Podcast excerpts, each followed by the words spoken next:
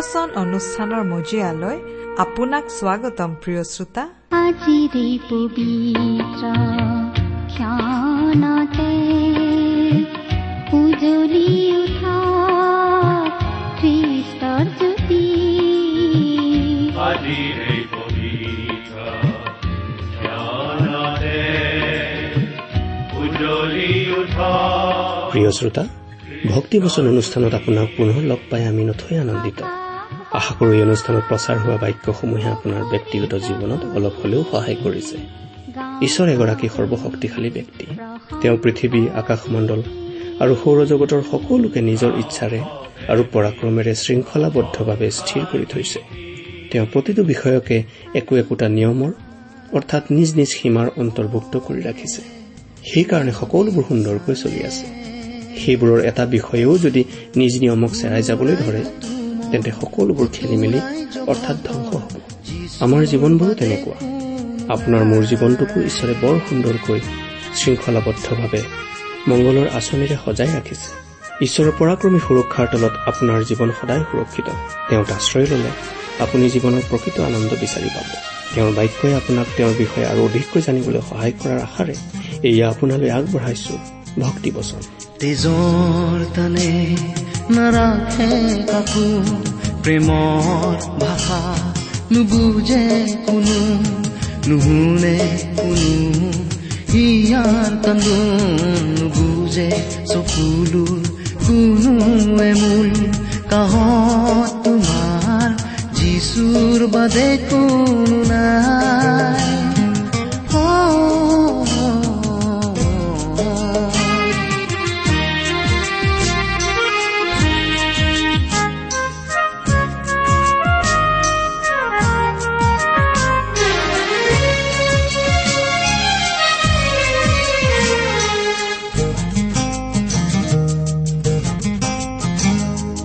লাগে যদি আহাৰে ভৰা পৰিপূৰ্ণ জীৱন গাথা যিচুৰ তেজে দিয়ে পূৰ্ণতা যিচুৰ কথাই চকুলো মুছে যিচুৰ বাদে কোনো নাই তোমাৰ কাহ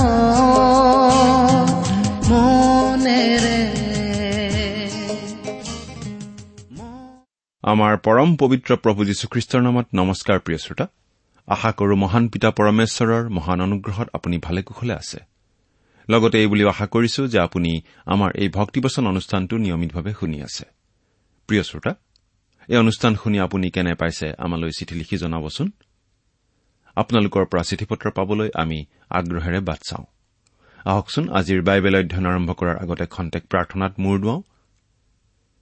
স্বৰ্গত থকা অসীম দয়ালু পিতৃ ঈশ্বৰ তোমাৰ মহান নামৰ ধন্যবাদ কৰো। তুমি মহান তুমি কৰুণাময় তুমি অনুগ্ৰহৰ আকৰ। তোমাৰ অনুগ্ৰহতেই আজি আমি প্ৰভু যীশুত বিশ্বাস কৰি পৰিত্ৰাণ পাব পৰা হৈছো তোমাক পিতৃ বুলি মাতিব পৰা হৈছো। তুমি আমালৈ যিমান অনুগ্ৰহ দেখুৱাইছা তাৰ বাবে তোমাক ধন্যবাদ দি আমি শেষ কৰিব নোৱাৰো।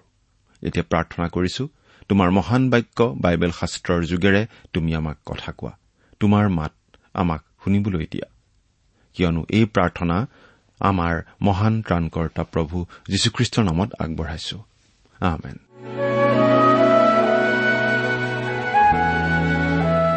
প্ৰিয় শ্ৰোতা আপুনি বাৰু আমাৰ আগৰ অনুষ্ঠানটো শুনিছিল নে আমি বাৰু কি আলোচনা কৰিছিলো? মনত আছেনে? আমি যোৱা অনুষ্ঠানত এখন নতুন পুস্তকৰ অধ্যয়ন আৰম্ভ কৰিছিলো। নহয় জানো? বাইবেলৰ নতুন নিয়ম খণ্ডৰ থিচলনিকীয়াবিলাকৰ প্ৰতি প্ৰথম পত্ৰ নামৰ পুস্তকখন অধ্যয়ন কৰি আছো। আশা কৰো আপুনি আমাৰ এই অনুষ্ঠান শুনি আছে নিয়মিতভাৱে। আমি যোৱা অনুষ্ঠানত কি আলোচনা কৰিছিলো আপোনাৰ মনত আছেনে বাৰু? আমি এই প্ৰথম থিচলনিকীয়া পুস্তকৰ চাৰি নম্বৰ অধ্যায়ৰ বাৰ নম্বৰ পদলৈকে পঢ়ি আমাৰ আলোচনা আগবঢ়াইছিলো নহয়নে বাৰু? আজি আমি চাৰি নম্বৰ অধ্যায়ৰ তেৰ নম্বৰ পদৰ পৰা অধ্যয়ন আৰম্ভ কৰিম। এই তেৰ নম্বৰ পদৰ পৰা এই পুস্তকখনৰ এটা নতুন ভাগত আমি সোমাই পৰো। এই অংশটো বাইবেলৰ অতি গুৰুত্বপূৰ্ণ ভৱিষ্যৎবাণীমূলক অংশ। ইয়াত খ্ৰীষ্টৰ আৱশ্যম্ভাৱী আৰু অচিৰেই হ'বলগীয়া পুনৰ আগমনৰ কথা কোৱা হৈছে। খ্ৰীষ্টৰ পুনৰাগমন সোনকালেই হ'ব বুলি কওঁতে আমি আচলতে এইটোহে বুজি পাওঁ যে ঈশ্বৰৰ কাৰ্যসূচীত এইটোৱেই ঘটিবলগীয়া পৰৱৰ্তী ঘটনা। অৰ্থাৎ ঈশ্বৰৰ আঁচনি মতে এতিয়া ঘটিবলগীয়া ঘটনাবিলাকৰ ভিতৰত প্ৰথমেই হ'ব খ্ৰীষ্টৰ পুনৰাগমন। এই কথাটো বুজাবলৈ আমি এটা উদাহৰণ দিব খুজিছো। ধৰক আমি বাছেৰে গুৱাহাটীৰ পৰা ডিব্ৰুগড়লৈ গৈ আছো। বাছখনে যাত্ৰা আৰম্ভ কৰাৰ লগে লগে কণ্ডাক্টৰজনে থিয় হৈ ঘোষণা কৰি দিলে আমি আমাৰ যাত্ৰা আৰম্ভ কৰিছো। আমাৰ বাছখন ইয়াৰ পাছতে গৈ ৰব জাগিৰোডত। তাতে আমি চাহপানী খাম। সেই বুলি কোৱাৰ লগে লগে বাছৰ মানুহবোৰে জানো জাগিৰোড পালো জাগিৰোড পালো বুলি দুৱাৰ মুখলৈ লৰ ধৰে নিশ্চয় নধৰে। কিন্তু প্ৰথমতে গৈ গাড়ীখন সেই ঠাইতে ৰব বুলি গম পায় আৰু তাৰ বাবে মানসিকভাৱে প্ৰস্তুত হৈ থাকে। অৱশ্যে সেই ঠাইত নামিবলৈ বাট চাই থকা আৰু খ্ৰীষ্টৰ আগমনৰ বাবে বাট চাই থকা কথা দুটাৰ মাজত এটা বিশেষ পাৰ্থক্য আছে। সেই ঠাইখন কিমান সময় পাছত পাম আমি অনুমান কৰি ল'ব পাৰোঁ। কিন্তু যীশুখ্ৰীষ্টৰ পুনৰগমন কেতিয়া হ'ব তাৰ সঠিক দিন তাৰিখ আমি কোনেও নাজানো। হয়তো আজিও হ'ব পাৰে বা বহু বছৰ পাছতো হ'ব পাৰে। কিন্তু প্ৰথমে সেই ঘটনাটোৱেই ঘটিব।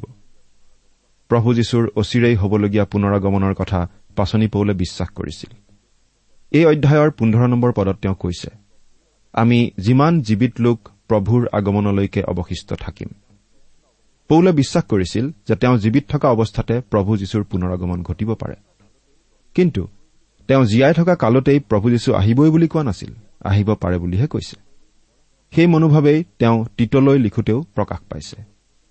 আৰু পৰমধন্য আশা সিদ্ধিলৈ আৰু মহান ঈশ্বৰ আৰু আমাৰ ত্ৰাণকৰ্তা যীশুখ্ৰীষ্টৰ প্ৰতাপৰ আৱিৰ্ভাৱলৈ যেন অপেক্ষা কৰি থাকো।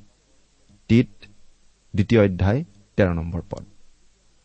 যেতিয়া পৌলে থিচলনিকিয়াবিলাকলৈ চিঠিখন লিখিছিল তেওঁ ডেকা আছিল।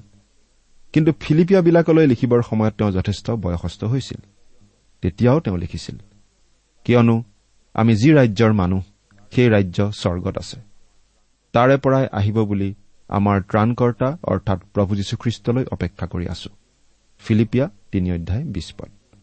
অৰ্থাৎ জীৱনৰ বিয়লি বেলাটো তেওঁ প্ৰভু যীশুৰ আগমনলৈ অপেক্ষা কৰি আছিল। প্ৰভু যীশুৱে তেওঁৰ বিশ্বাসীসকলক অৰ্থাৎ খ্ৰীষ্টীয় মণ্ডলীক তুলি নিবলৈ আহিব বুলি পাচনি পৌলে জনাইছে। আমাক পৃথিৱীৰ পৰা উঠাই নিয়া হ'ব আৰু আমি প্ৰভুক আকাশত লগ পাম। কিছুমান লোকে এই কথাটো বিশ্বাস কৰিব নোখোজে। কিন্তু এই কথাটো আমি পাওঁ সোতৰ নম্বৰ পদত। পাছে আমি জীৱিত থকা অৱশিষ্ট লোকবিলাক আকাশত প্ৰভুৰ লগ ল'বলৈ তেওঁবিলাকে সৈতে মেঘ ৰথত তুলি নিয়া হ'ম আৰু এইদৰে আমি সদায় প্ৰভুৰ সংগী হ'ম। ইয়াত তুলি নিয়া হ'ম বুলি যিকেইটা শব্দ ব্যৱহাৰ কৰা হৈছে তাৰ মূল গ্ৰীক শব্দটো হৈছে হাৰপাজো। আৰু ইয়াৰ অৰ্থ হৈছে থপিয়াই লৈ যোৱা খৰখেদাকৈ তুলি নিয়া। গতিকে আমাক এই কথা স্পষ্টভাৱে জনোৱা হৈছে যে খ্ৰীষ্টীয় বিশ্বাসীসকলক আকাশত প্ৰভুক লগ পাবলৈ মেঘ ৰথত তুলি নিয়া হ'ব আৰু এই ঘটনা অচিৰেই হ'ব। কিন্তু এই শাস্ত্ৰাংশত পাচনি পৌলে আচলতে খ্ৰীষ্টৰ পুনৰগমনৰ বিষয়ে শিকাব খোজা নাছিল। আচলতে খ্ৰীষ্টৰ পুনৰগমন হোৱাৰ আগতেই মৃত্যু হোৱা খ্ৰীষ্টীয় বিশ্বাসীসকলৰ কি হ'ব সেই প্ৰশ্নটোৰহে তেওঁ উত্তৰ দিছিল। এই প্ৰশ্নটো বাৰু কিয় উঠিছিল? পাচনি পৌলে তেওঁৰ দ্বিতীয় মিছনেৰী যাত্ৰাৰ সময়ত থিচলনিকিলৈ গৈছিল। তাতে যিহুদীবিলাকৰ এটা নামঘৰ আছিল। পৌলে তেওঁৰ ব্যৱহাৰৰ দৰে তেওঁবিলাকৰ ওচৰলৈ গৈ তিনিটা বিশ্ৰামবাৰে তেওঁবিলাকক শাস্ত্ৰৰ পৰা যুক্তি দেখুৱাই ভাঙি বুজাই দিলে। পাচনিৰ কৰ্ম সোতৰ অধ্যায় দুই পদ। অৰ্থাৎ পৌল তেওঁলোকৰ মাজত এমাহতকৈও কম সময় আছিল। কিন্তু এই কম সময়ৰ ভিতৰতে তেওঁৰ যোগেদি খ্ৰীষ্টৰ শুভবাৰ্তা শুনি বহুতো লোকে খ্ৰীষ্টক গ্ৰহণ কৰিলে আৰু তাতে এটা মণ্ডলী স্থাপিত হ'ল। তেওঁ এই নতুন বিশ্বাসীসকলক খ্ৰীষ্টীয় বিশ্বাসৰ গভীৰ তত্ববোৰ শিকালে। তেওঁ মণ্ডলী উত্তোলিত হোৱা তত্বটো শিকালে। খ্ৰীষ্টীয় বিশ্বাসীসকলক পৃথিৱীৰ পৰা উঠাই নিবলৈ প্ৰভু যীশুৰ পুনৰ আগমন সোনকালেই হ'ব। এই কথা শিকাই পৌল এমাহৰ ভিতৰতে থিচলনিকি এৰি যাব লগা হৈছিল। তেওঁ বিৰিয়ালৈ গৈছিল। তাতে এটা মণ্ডলী স্থাপন কৰি কিছুকাল আছিল। তাৰ পাছত তেওঁ জাহাজত উঠি আঠিনী নগৰ পাইছিলগৈ। তেওঁ তাত কিমান দিন আছিল আমি ক'ব নোৱাৰো। তেওঁ তাত তিমঠিয় আৰু চিলৰ বাবে বাট চাই আছিল। কাৰণ তেওঁলোকে থিচলনিকিৰ বাতৰি আনিবলগীয়া আছিল। কিছুদিন পাছত তিমঠি আৰু চিল আহি পালে আৰু তেওঁলোকে লগতে কিছুমান প্ৰশ্নও লৈ আহিল। থিচলনিকিৰ লোকসকলে সুধি পঠোৱা প্ৰশ্ন। গতিকে পৌলে সেই প্ৰশ্নৰ উত্তৰ দি চিঠিত এই কথা লিখিছিল। সেই প্ৰশ্নটো কি আছিল বাৰু? পৌলে এৰি অহাৰ পাছত থিচলনিকিৰ কিছুমান খ্ৰীষ্টীয় বিশ্বাসীৰ মৃত্যু হৈছিল। গতিকে বাকী খ্ৰীষ্টীয় বিশ্বাসীসকলৰ মনত প্ৰশ্ন উঠিছিল যে এই লোকসকল বাদ পৰি যাব নেকি? যেতিয়া খ্ৰীষ্টক লগ পাবলৈ খ্ৰীষ্টীয় মণ্ডলীক আকাশলৈ উঠাই নিয়া হ'ব? প্ৰভু যীশু অহাৰ আগতেই এই লোকসকলৰ মৃত্যু ঘটিল। গতিকে তেওঁলোকৰ কি হ'ব? পৌলে এই প্ৰশ্নটোৰ উত্তৰ দিছে এই চিঠিখনত। অৱশ্যে আজি আমাৰ ক্ষেত্ৰত কথাটো বেলেগ হ'ল কাৰণ আজি প্ৰায় দুহেজাৰ বছৰ হৈ গ'ল। বহুতো খ্ৰীষ্টীয় বিশ্বাসী লোকৰ ইতিমধ্যে মৃত্যু হ'ল। আমি বাকী থকা খ্ৰীষ্টীয় বিশ্বাসী লোকসকলতকৈ তেওঁলোক আগ হ'ল। প্ৰভু যীশুৰ আগমন যিকোনো সময়তে ঘটিব পাৰে। এই কথা বাইবেলত কোৱা হৈছে। কিন্তু তেওঁৰ আগমন কি তাৰিখে হ'ব সেইটো আনকি প্ৰভু যীশুৱেও জনাই দিয়া নাই। গতিকে কোনেও ক'ব নোৱাৰে তেওঁৰ পুনৰ আগমন কি তাৰিখে হ'ব। কিন্তু যিকোনো মুহূৰ্ততে তেওঁৰ পুনৰ আগমন হ'ব পাৰে এই কথা মনত ৰাখিয়েই আমি জীৱন কটোৱা উচিত। এতিয়া আমি বাইবেলৰ পৰা পাঠ কৰি দিব খুজিছো। প্ৰথম থিচলনিকীয়া চাৰি অধ্যায় তেৰ নম্বৰ পদ। পঢ়ি দিছো। হে ভাইবিলাক প্ৰত্যাশাহীন অন্য লোকৰ নিচিনা তোমালোক যেন শোকাকুল নোহোৱা এই কাৰণে নিদ্ৰিত লোকৰ বিষয়ে তোমালোকে নজনাকৈ থকা আমাৰ ইচ্ছা নাই। প্ৰত্যাশাহীন অন্য লোকৰ নিচিনা তোমালোক যেন শোকাকুল নোহোৱা। পাচনি পৌলে এতিয়া থিচলেনিকীয়া বিশ্বাসীসকলৰ সেই প্ৰশ্নটোৰ উত্তৰ দি আছে যে প্ৰভু যীশুৰ আগমনৰ আগতেই মৃত্যু হোৱা লোকসকলৰ কি হ'ব? প্ৰত্যাশাহীন লোক মানে ভৱিষ্যতৰ বিষয়ে কোনো আশা নথকা লোক। যিসকল লোকে ভৱিষ্যতৰ বিষয়ে একো আশা কৰিব নোৱাৰে তেওঁলোকে মৃত্যুৰ পাছত কি ঘটিব একো নাজানে। একো আশা নাই বাবেই তেওঁলোকে মৃত্যুত অতি শোকাকুল হয়। কিন্তু খ্ৰীষ্টীয় বিশ্বাসীজন তেনেকুৱা নহয় কাৰণ তেওঁৰ ভৱিষ্যতৰ আশা আছে। মৃত্যুৰ পাছত কি ঘটিব তেওঁ জানে। তেওঁ যে স্বৰ্গলৈ যাবই সেইটো তেওঁ নিশ্চিতভাৱে জানে। গতিকে মৃত্যুত তেওঁ শোক কৰিব লগা নহয়। আন লোকবিলাকে কিন্তু মৃত্যুলৈ ভয় কৰিছিল। সেইবাবেই পৌলে এই কথাবোৰ থিচলনিকীয়া বিশ্বাসীসকললৈ লিখিছে। তেওঁলোকে যাতে আন লোকবিলাকৰ নিচিনাকৈ মৃত্যুত শোক কৰিব নালাগে। অৱশ্যে আমাৰ আত্মীয় স্বজনৰ বিয়োগ ঘটিলে আমাৰ দুখ লাগে। কিন্তু আমি খ্ৰীষ্টত বিশ্বাস কৰা লোক হোৱা হেতুকে এটা নিশ্চয়তা আমাৰ অন্তৰত থাকে যে আমি আকৌ লগ হ'ম স্বৰ্গত। সেইবাবে আমাৰ বিচ্ছেদ হয় সাময়িক। সেইবাবেই খ্ৰীষ্টীয় বিশ্বাসী লোকে মৃত্যুত শোকাকুল হ'ব নালাগে কাৰণ তেওঁলোকৰ আশা আছে। থিচলনিকিৰ লোকসকলেও যাতে তেওঁলোকৰ আত্মীয়সকলৰ মৃত্যুত শোকাকুল হ'ব নালাগে সেইবাবে পৌলে এইবোৰ কথা জনাইছে। এইকাৰণে নিদ্ৰিত লোকৰ বিষয়ে তোমালোকে নজনাকৈ থকা আমাৰ ইচ্ছা নাই। যাতে তেওঁলোক শোকাকুল হ'ব নালাগে সেইবাবে মৃত্যুবৰণ কৰা লোকসকলৰ বিষয়ে পাচনি পৌলে কথাবোৰ জনাই দিব খুজিছে। ইয়াত নিদ্ৰিত হোৱা মানে মৃত্যুবৰণ কৰাৰ কথা বুজোৱা হৈছে। আৰু মৃত্যু মানে শাৰীৰিক মৃত্যুৰ কথা কোৱা হৈছে। এই শাৰীৰিক মৃত্যুক নিদ্ৰাৰ লগত কিয় তুলনা কৰা হৈছে বাৰু? তাৰ কেইটামান কাৰণ আমি আগবঢ়াব খুজিছো। টোপনি গৈ থকা অৱস্থা আৰু মৃত্যুৰ মাজত এটা সাদৃশ্য আছে। কবৰ দিয়াৰ সময়ত মৃত ব্যক্তিজনক টোপনি গৈ থকা যেনেই নালাগেনে? নিদ্ৰা আচলতে সাময়িক। শুই থকা মানুহজন আকৌ সাৰ পাই উঠে। ঠিক একেদৰে শাৰীৰিকভাৱে মৃত্যু হোৱা যি মৃত্যু সেই মৃত্যু স্থায়ী নহয়। কাৰণ এদিন মৃত ব্যক্তিৰ পুনৰুত্থান হ'ব। টোপনি যোৱা মানেই মানুহৰ উপস্থিতি নোহোৱা হৈ নাযায়। মৃত্যু হোৱা মানেও সকলো শেষ হৈ নাযায়। মৃত ব্যক্তিজন এদিন আকৌ উঠিব। এই কথা বাইবেলত স্পষ্টভাৱে কোৱা হৈছে। দ্বিতীয়তে ইয়াত নিদ্ৰা যোৱা বুজাবলৈ যি শব্দ ব্যৱহাৰ কৰা হৈছে তাৰ মূল গ্ৰীক শব্দটো হৈছে কেইমাই আৰু তাৰ অৰ্থ হৈছে বাগৰ দি থকা। আৰু মন কৰিবলগীয়া কথা এইয়ে যে বাইবেলত পুনৰুত্থান বুলি কওঁতে শৰীৰৰ পুনৰুত্থানহে বুজোৱা হৈছে। আৰু সেই কথাটো মূল গ্ৰীক শব্দ হিষ্টেমিৰ পৰা আহিছে। আৰু তাৰ অৰ্থ হ'ল থিয় দিয়া। পুনৰুত্থানৰ সময়ত আমাৰ শৰীৰটো থিয় হৈ উঠিব। গতিকে ইয়াত নিদ্ৰা বুলি মৃত্যুক বুজাওঁতে আমাৰ শাৰীৰিক মৃত্যুকহে বুজোৱা হৈছে। আচলতে শুই থকা কাৰ্য বুজাবলৈ বাইবেলত যি শব্দ ব্যৱহাৰ কৰা হৈছে সেই একেটা শব্দ ইয়াত ব্যৱহাৰ কৰা হৈছে শাৰীৰিক মৃত্যুক বুজাবলৈ। তৃতীয়তে বাইবেলত আমাক এই বুলি শিকোৱা হৈছে যে মৃত্যু হলে আমাৰ শৰীৰটো যায় মাটিলৈ আৰু আত্মা উভতি যায় ঈশ্বৰৰ ওচৰলৈ। আৰু ধূলি আগৰ দৰে মাটিত লীন নৌ হওঁতেই আৰু ঈশ্বৰে দিয়া আত্মা তেওঁলৈ উভতি নৌ যাওঁতেই তুমি যৌৱনকালত তোমাৰ সৃষ্টিকৰ্তাক সোঁৱৰা। উপদেশক বাৰ অধ্যায় সাত পদ। আমাৰ শৰীৰটোহে পুনৰুত্থিত হ'ব সেই পুনৰুত্থানৰ দিনা। কাৰণ শৰীৰটোহে মাটিত মিলি যায় মৃত্যুৰ সময়ত। এই শৰীৰটোক এটা অস্থায়ী তম্বু বুলি কোৱা হৈছে আৰু এই তম্বুটো অস্থায়ীভাৱে আঁতৰাই পেলোৱা হয় মৃত্যুৰ সময়ত। কিয়নো আমি জানো যে আমাৰ এই তম্বুৰূপ পাৰ্থিৱ ঘৰ যদি ভগ্ন হয় তেন্তে বিনা হাতে সজা ঈশ্বৰৰ পৰা পোৱা এক অনন্তকলীয়া ঘৰ স্বৰ্গত আছে। দ্বিতীয় কৰিন্ঠিয়া পাঁচ অধ্যায় প্ৰথম পদ।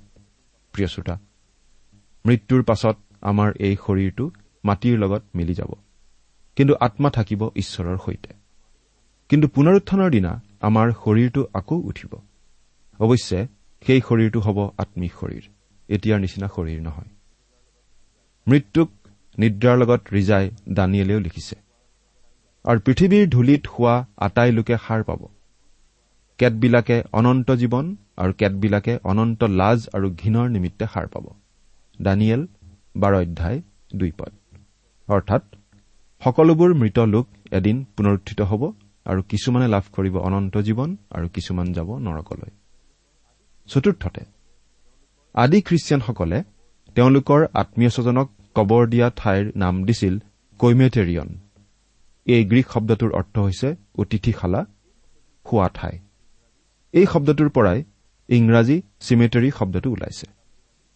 আমি কোনো অতিথিশালাত নিশাটো কটাই ৰাতিপুৱাতে আকৌ উঠি আমাৰ যাত্ৰা আৰম্ভ কৰো।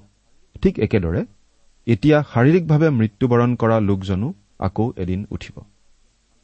প্ৰিয় শ্ৰোতা আমি খ্ৰীষ্টীয় বিশ্বাসীসকলে অতি নিশ্চিতভাৱে ক'ব পাৰো যে আমি মৃত্যুমুখত পৰিলেও এদিন পুনৰুত্থিত হ'ম। প্ৰভু যীশুৰ আগমনৰ দিনা আমি লাভ কৰিম এটা আম্মিক শৰীৰ আৰু অনন্তকালৰ বাবে প্ৰভু যীশুৰ সৈতে বাস কৰিবলৈ পাম স্বৰ্গত। সেইবাবেই আমি আন খ্ৰীষ্টীয় বিশ্বাসীৰ মৃত্যুত পোকাকুল নহওঁ কাৰণ এদিন তেওঁক লগ পামেই বুলি আমি খাটাংকৈ ক'ব পাৰো। এনেদৰে বাৰু আপুনি ক'ব পাৰেনে প্ৰিয় শ্ৰোতা? এতিয়া চৈধ্য নম্বৰ পদটো পঢ়িছো। কিয়নো যীশু মৰি পুনৰাই উঠিল ইয়াক যদি আমি বিশ্বাস কৰো তেন্তে জানো যে ঈশ্বৰে যীশুৰ আশ্ৰয়ত নিদ্ৰিত হোৱাবিলাককো সেইদৰে তেওঁৰ লগত লৈ যাব। এটা কথা মন কৰকচোন। ইয়াত কিন্তু প্ৰভু যীশুক নিদ্ৰা যোৱা বুলি কোৱা হোৱা নাই মৰা বুলি কৈছে। বাইবেলত তিনিধৰণৰ মৃত্যুৰ কথা কোৱা হৈছে। শাৰীৰিক মৃত্যু মানে শৰীৰৰ পৰা আত্মা পৃথক হৈ যোৱা অৱস্থা। আম্মিক মৃত্যু মানে ঈশ্বৰৰ পৰা বিচ্ছিন্ন হোৱা অৱস্থা। এডেনবাৰীত আদম আৰু হৱাই সেই জ্ঞান বৃক্ষৰ ফল খালেই লগে লগে মৰিবা বুলি ঈশ্বৰে কৈছিল আৰু সেই ফল খোৱাৰ লগে লগে তেওঁলোক মৰিছিল আৰু সেয়া আছিল আম্মিক মৃত্যু ঈশ্বৰৰ পৰা বিচ্ছিন্ন হোৱা অৱস্থা। পাচনি পৌলে ইফিচিয়া দ্বিতীয় অধ্যায় প্ৰথম পদত এই মৃত্যুৰ কথা কৈছে।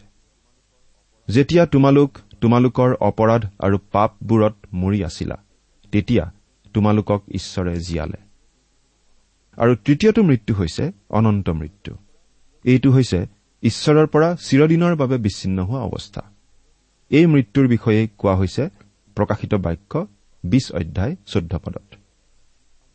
প্ৰভু যীশুৱে আচলতে ক্ৰুচৰ ওপৰত সমগ্ৰ মানৱ জাতিৰ পাপৰ শাস্তি নিজে বহন কৰিছিল আৰু কেৱল শাৰীৰিক মৃত্যুৱে নহয় তেওঁ সাময়িকভাৱে আম্মিক মৃত্যুৰ যন্ত্ৰণাও ভোগ কৰিছিল আমাৰ হৈ।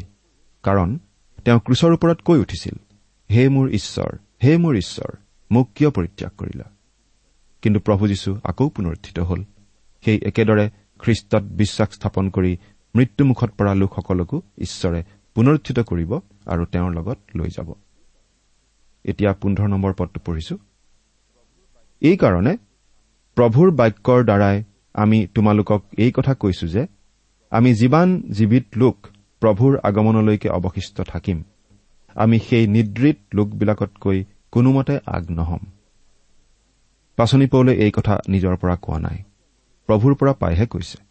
ইয়াতে তেওঁ ত্ৰিচলনিকীয়া লোকসকলৰ সেই প্ৰশ্নটোৰ উত্তৰ দিছে যে ইতিমধ্যেই মৃত্যুমুখত পৰা খ্ৰীষ্টীয় বিশ্বাসী লোকসকলৰ অৱস্থা কি হ'ব? যেতিয়া যীশুখ্ৰীষ্টৰ পুনৰগমন হ'ব। ইয়াত কথাখিনি তেওঁ অতি স্পষ্টভাৱে জনাই দিছে। প্ৰভু যীশুখ্ৰীষ্টৰ আগমনৰ সময়লৈকে আমি যিসকল লোক জীৱিত অৱস্থাত থাকো ইতিমধ্যেই মৃত্যুমুখত পৰা খ্ৰীষ্টীয় বিশ্বাসীসকলতকৈ আমি কোনোমতেই আগ নহম। তেওঁলোকে আমাতকৈ আগ হ'ব। কিয় বাৰু? আমি এতিয়া ষোল্ল নম্বৰ পদটোৰ পৰা চাই যাওঁ। ইয়াত আমি এনেদৰে পাওঁ। কাৰণ জয়ধ্বনি প্ৰধান স্বৰ্গদূতৰ মাত আৰু ঈশ্বৰৰ তুৰি বাদ্যে সৈতে প্ৰভু নিজে স্বৰ্গৰ পৰা নামি আহিব। আৰু খ্ৰীষ্টৰ আশ্ৰয়ত মৰা লোকবিলাকেই প্ৰথমে উঠিব। প্ৰভু যীশু স্বৰ্গৰ পৰা নামি আহিব। প্ৰভু নিজে স্বৰ্গৰ পৰা নামি আহিব। তেওঁ আন কাৰোবাক পঠিয়াই নিদিয়ে। তেওঁ নিজে নামি আহিব। আৰু প্ৰভু যীশুৰ আগমনৰ লগে লগে ইতিমধ্যে মৃত্যু হোৱা ইতিমধ্যে কবৰত থকা ইতিমধ্যে মৰণক সাৱটি লোৱা বিশ্বাসী লোকসকল আগতে পুনৰুত্থিত হ'ব। অৰ্থাৎ আমি জীৱিত লোক যিসকল থাকিম সেই সময়ত আমাতকৈ আমাৰ আগেয়ে মৃত্যু হোৱা লোকসকল পুনৰুত্থিত হ'ব। অৰ্থাৎ তেওঁলোকে আগ হ'ব। তেতিয়ালৈকে জীয়াই থকা লোকবিলাক আগ নহ'ব। প্ৰভু যীশুৱে মাতিব আৰু তেওঁৰ বিশ্বাসী লোকসকল নিজ নিজ কবৰৰ পৰা পুনৰ্থিত হৈ উঠি আহিব। এতিয়া সোতৰ নম্বৰ পদটো পাঠ কৰি দিছো। পাছে আমি জীৱিত থকা অৱশিষ্ট লোকবিলাক আকাশত প্ৰভুৰ লগ ল'বলৈ তেওঁবিলাকে সৈতে মেঘ ৰথত তুলি নিয়া হ'ম। গোটেই কামখিনি অতি পৰিপাটিকৈ কৰা হ'ব। মৃত খ্ৰীষ্টীয় বিশ্বাসীসকল আগতে কবৰৰ পৰা পুনৰ্থিত হৈ উঠিব। তেওঁলোকে আকাশত যীশুখ্ৰীষ্টক লগ পাব। আৰু তাৰ পাছত যিমানবোৰ জীৱিত অৱস্থাত থকা খ্ৰীষ্টীয় বিশ্বাসী লোক থাকিব সেই সকলোকে পৃথিৱীৰ পৰা উঠাই নিয়া হ'ব। পৃথিৱীৰ পৰা উঠাই নিয়া হ'ব চকুৰ প্ৰচাৰতে পলকতে অতি আচৰিতভাৱে। কেনেদৰে আমি উঠি যাম তেওঁক লগ পাম আমি ক'ব নোৱাৰো। কি অৱস্থাত কেনেদৰে আমাক লৈ যাব আমি ক'ব নোৱাৰো কিন্তু আমাক উঠাই লৈ যোৱা হ'ব। জীৱিত লোকবিলাক চকুৰ প্ৰচাৰতে গৈ যীশুৰ ওচৰ পাব আকাশত। তেওঁলোকে গৈ প্ৰভু যীশুক আকাশত লগ ধৰিব। এতিয়া ওঠৰ নম্বৰ পদটো পাঠ কৰি দিছো। ওঠৰ নম্বৰ পদত এনেদৰে আছে আৰু এইদৰে আমি সদায় প্ৰভুৰ সংগী হ'ম। এতেকে এইবোৰ কথাৰ দ্বাৰাই তোমালোকে পৰস্পৰক সান্তনা দিবা। আকৌ পাঠ কৰি দিছো। আৰু এইদৰে আমি সদায় প্ৰভুৰ সংগী হ'ম এতেকে এইবোৰ কথাৰ দ্বাৰাই তোমালোকে পৰস্পৰক সান্তনা দিবা। প্ৰিয় শ্ৰোতা আমি প্ৰভু যীশুক গৈ আকাশত লগ ধৰিম আৰু চিৰদিন তেওঁৰ সৈতে একেলগে থাকিবলৈ পাম। কথাটো চিন্তা কৰি চাওকচোন। এই কথাটোকে লৈ খ্ৰীষ্টীয় বিশ্বাসী লোকসকলে পৰস্পৰে পৰস্পৰক সান্তনা দিয়া উচিত। পাচনি পৌলে কৈছে যে আমি যে গৈ প্ৰভু যীশুক আকাশত লগ ধৰিম আৰু চিৰদিন তেওঁৰ লগত একেলগে থাকিবলৈ পাম এইটো আমাৰ বাবে সান্তনাৰ বিষয় হোৱা উচিত। সান্তনা দিয়া মানে কেৱল দুখত পৰা মানুহক সান্তনা দিয়া কথাটোকেই বুজোৱা হোৱা নাই। শিকনি বুজনি দি উৎসাহ দিয়াৰ অৰ্থটো ইয়াত বিশেষভাৱে প্ৰকাশ পাইছে। এই কথাটোকে কৈ এই কথাটোকে আলোচনা কৰি থাকি আনক সাহস দিয়া সান্তনা দিয়াৰ ভাৱ এটা ইয়াত প্ৰকাশ পাইছে। প্ৰিয় শ্ৰোতা প্ৰভু যীশুত বিশ্বাস স্থাপন কৰি আমি কেইটামান কথা অতি নিশ্চিতভাৱে ক'ব পাৰোঁ। প্ৰভু যীশু এদিন আকৌ আহিব। তেওঁৰ পুনৰগমনৰ আগতেই যদি আমাৰ শাৰীৰিক মৃত্যু হয় তেনেহলে আমি প্ৰভুৰ আগমনৰ দিনা পুনৰ্থিত হ'ম আৰু তেওঁক লগ পাম। আৰু যদিহে তেতিয়ালৈকে আমি জীয়াই থাকো মৃত লোকসকলৰ পুনৰুত্থানৰ পাছতেই আমাক উঠাই লৈ যোৱা হ'ব আৰু আমি প্ৰভুক আকাশত লগ পাম। আৰু আমি চিৰদিনৰ বাবে প্ৰভু যীশুৰ সৈতে বাস কৰিবলৈ পাম। এই কথা জনাৰ পাছত আমি অতি আশাৰে বাট চাব পাৰো ভৱিষ্যতলৈ। আমাৰ কোনো আত্মীয় খ্ৰীষ্টীয় বিশ্বাসীৰ মৃত্যু হলেও আমি শোকাকুল হ'ব লগা নহয়। কাৰণ আমি আকৌ এদিন লগ পাম বুলি নিশ্চিতভাৱে জানো। আমাৰ যে বিচ্ছেদ সাময়িক মাত্ৰ সেই কথা আমি বুজি পাওঁ। প্ৰিয় শ্ৰোতা প্ৰভু যীশুৰ পুনৰগমন হয়তো আজিয়েই হ'ব পাৰে। আপুনি বাৰু তেওঁক আকাশত লগ ধৰিবলৈ উত্তোলিত হ'বনে? চিন্তা কৰি চাওকচোন। ঈশ্বৰে আপোনাক আশীৰ্বাদ কৰক।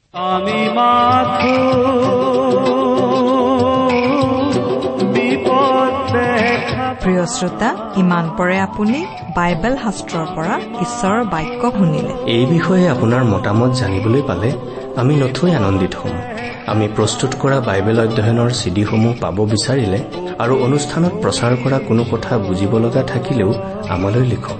আমাৰ যোগাযোগৰ ঠিকনা ভক্তিবচন ট্ৰান্সৱৰ্ল্ড ৰেডিঅ' ইণ্ডিয়া ডাক বাকচ নম্বৰ সাত শূন্য গুৱাহাটী সাত আঠ এক শূন্য শূন্য এক। ঠিকনাটো আকৌ এবাৰ কৈছো ভক্তিবচন ট্ৰান্সৱৰ্ল্ড ৰেডিঅ' ইণ্ডিয়া ডাক বাকচ নম্বৰ সাত শূন্য গুৱাহাটী সাত আঠ এক শূন্য শূন্য এক। আমাৰ ইমেইল এড্ৰেছটো হৈছে Assamese T TV at the rate radio' eight eight two dot com. আমাৰ website W W W dot T W R dot in. আপুনি টেলিফোনৰ মাধ্যমেৰেও আমাক যোগাযোগ কৰিব পাৰে। আমাৰ টেলিফোন নম্বৰটো হৈছে nine eight five four zero' four zero' eight eight nine. Phone নম্বৰটো আকৌ এবাৰ কৈছো ন আঠ পাঁচ চাৰি শূন্য চাৰি শূন্য আঠ আঠ ন। আপুনি এই ভক্তিবচন অনুষ্ঠানটি আমাৰ website W W W dot radio' eight eight two dot কমতো শুনিব পাৰিব। আজিৰ অনুষ্ঠানটি ইমানতেই সামৰিছো।